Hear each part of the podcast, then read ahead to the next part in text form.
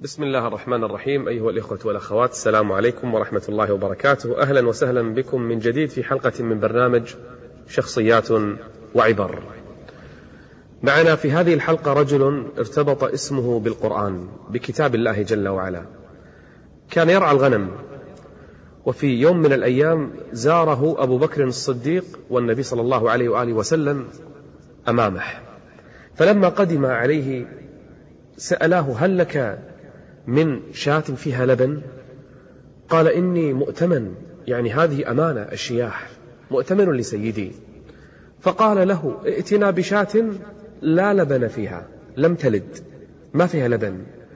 يقول فجئتهما بشاة فإذا بالنبي صلى الله عليه وسلم يدعو وإذا بها تمتلئ لبنا. فحلبها ثم شرب ثم عادت كما كانت فتعجبت. من هذا الرجل؟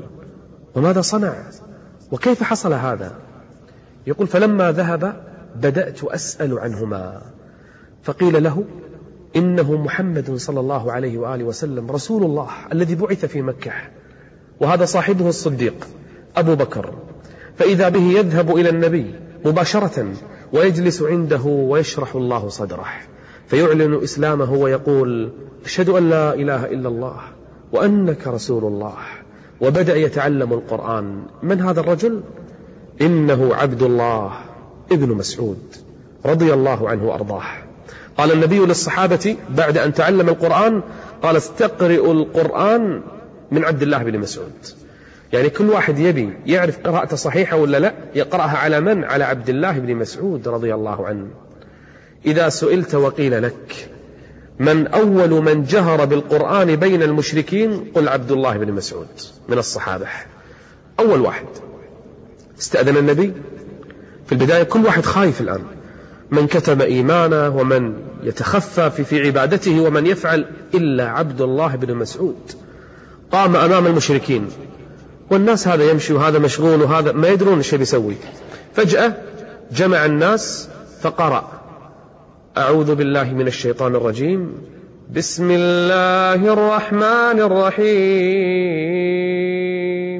فالتفت الناس. من هذا؟ وماذا يقول الرحمن؟ من الرحمن؟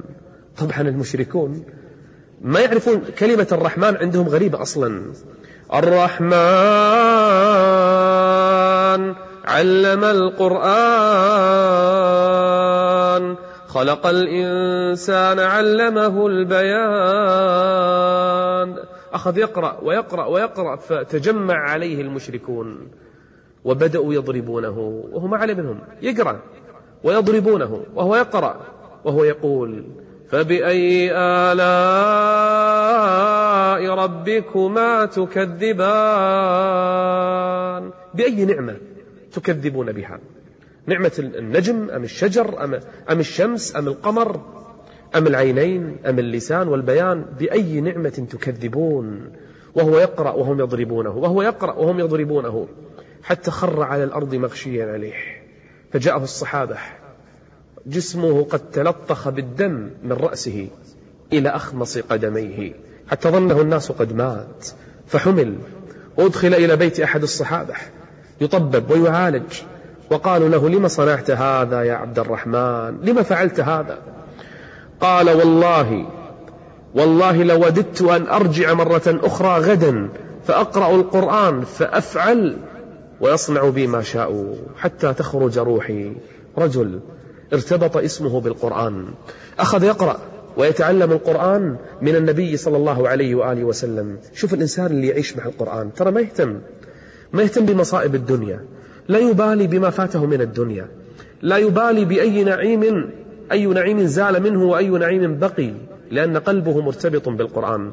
هل تصدقون أن عبد الله بن مسعود يأتيه رسول الله فيقول له صلى الله عليه وآله وسلم يا عبد الله اقرأ.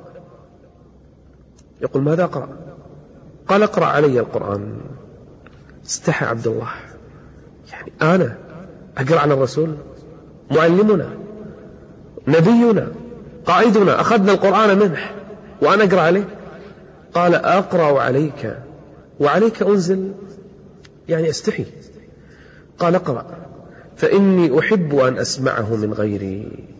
ومو من أي واحد من عبد الله بن مسعود مو أي رجل. فإذا به يقرأ سورة النساء ويقرأ والنبي يستمع وينصت صلى الله عليه وآله وسلم. إذا قرئ القرآن فاستمعوا له وأنصتوا لعلكم ترحمون. لكن شوف الموقف الغريب من اللي يقرأ ومن اللي يستمع؟ عبد الله يقرأ ويقرأ ويقرأ يسترسل. حتى وصل إلى قوله جل وعلا الآية اللي تخاطب الرسول بنفسه فكيف إذا جئنا من كل أمة بشهيد؟ وجئنا بك أي أنت يا محمد. وجئنا بك على هؤلاء شهيدا. عبد الله بن مسعود يقرأ يقول لما وصلت هذه الآية قال حسبك. يعني بس خلاص. يقول فنظرت فإذا عيناه تذرفان. يبكي بأبي هو وأمي عليه الصلاة والسلام. إنه عبد الله بن مسعود الذي يقرأ القرآن غضا طريا. من أحب أن يسمع القرآن كما أنزل على رسول الله فليسمعه من عبد الله بن مسعود من هذا الصحابي الجليل الذي يقرأ القرآن كما أنزل على رسول الله. رجل إذا قرأ تدبر الناس. عبد الله بن مسعود لم يكن فقط قارئا للقرآن بل كان بطلا كان شجاعا شهد الغزوات والمعارك. أول معركة في الإسلام معركة بدر شهدها عبد الله بن مسعود. وهو في المعركة يبحث عن من؟ عبد الله بن مسعود يبحث عن أبي جهل. يبحث عن قائد المشركين. قائد رجل مترس بالسلاح والدروع فإذا به يجده مضرجا بدمائه. مضروب بالسيوف وعلى الأرض مستلقي. فإذا بعبد الله بن مسعود يسرع إلى من؟ إلى أبي جهل. من ضربه؟ ابن عفراء. ابن عفراء شابان صغيران ضرباه وذهب إلى النبي يفتخران أنهما قتلا أبا جهل. لكنهما لم يعلما أن أبا جهل لا زال في الرمق الأخير. فأدركه عبد الله بن مسعود. فإذا به يرقى على صدره. وكان عبد الله ضعيف الجسم جسمه ضعيف لكن قلبه كبير. لكنه بإيمانه كبير وعظيم لكن بجسده نحيل وضعيف. فإذا به يرقى على صدر من؟ أبي جهل. فإذا بعبد الله بن مسعود الآن من اللي شايفه؟ شايفه منه أبو جهل ذلك الرجل البطل السيد في قومه. ينظر إلى راعي غنم. عبد الله بن مسعود كان راعي غنم مسكين فقير يعني. فقال أبو جهل في الرمق الأخير يكلم عبد الله, عبد الله يقول له لقد ارتقيت مرتقا صعبا يا رويع الغنم. أنت ركبت مكان مقدك شوف الكبر والفخر في أبي جهل حتى قبل الموت. ثم سأل أبو جهل لمن الغلبة؟ من اللي غالب في المعركة؟ طيب أنت بتموت أخزاك الله. وأنت الحين تلقى ربك إيش عليك في المعركة؟ منه انتصر ومنه انهزم لكن لا زالت عزة الباطل في, في, في صدره. اعتزازه بالكفر لا زال حتى قبل الموت. محتم بقومه. محتم بالباطل الذي يحمله. فإذا به يقول عبد الله بن مسعود الغلبة لله ولرسوله يا عدو الله. ثم أخذ السيف فحز رأسه. أكمل به. نهاية حياته. ثم أخذ رأسه وألقاه بين يدي رسول الله. ثم قال النبي الله أكبر مات فرعون هذه الأمة.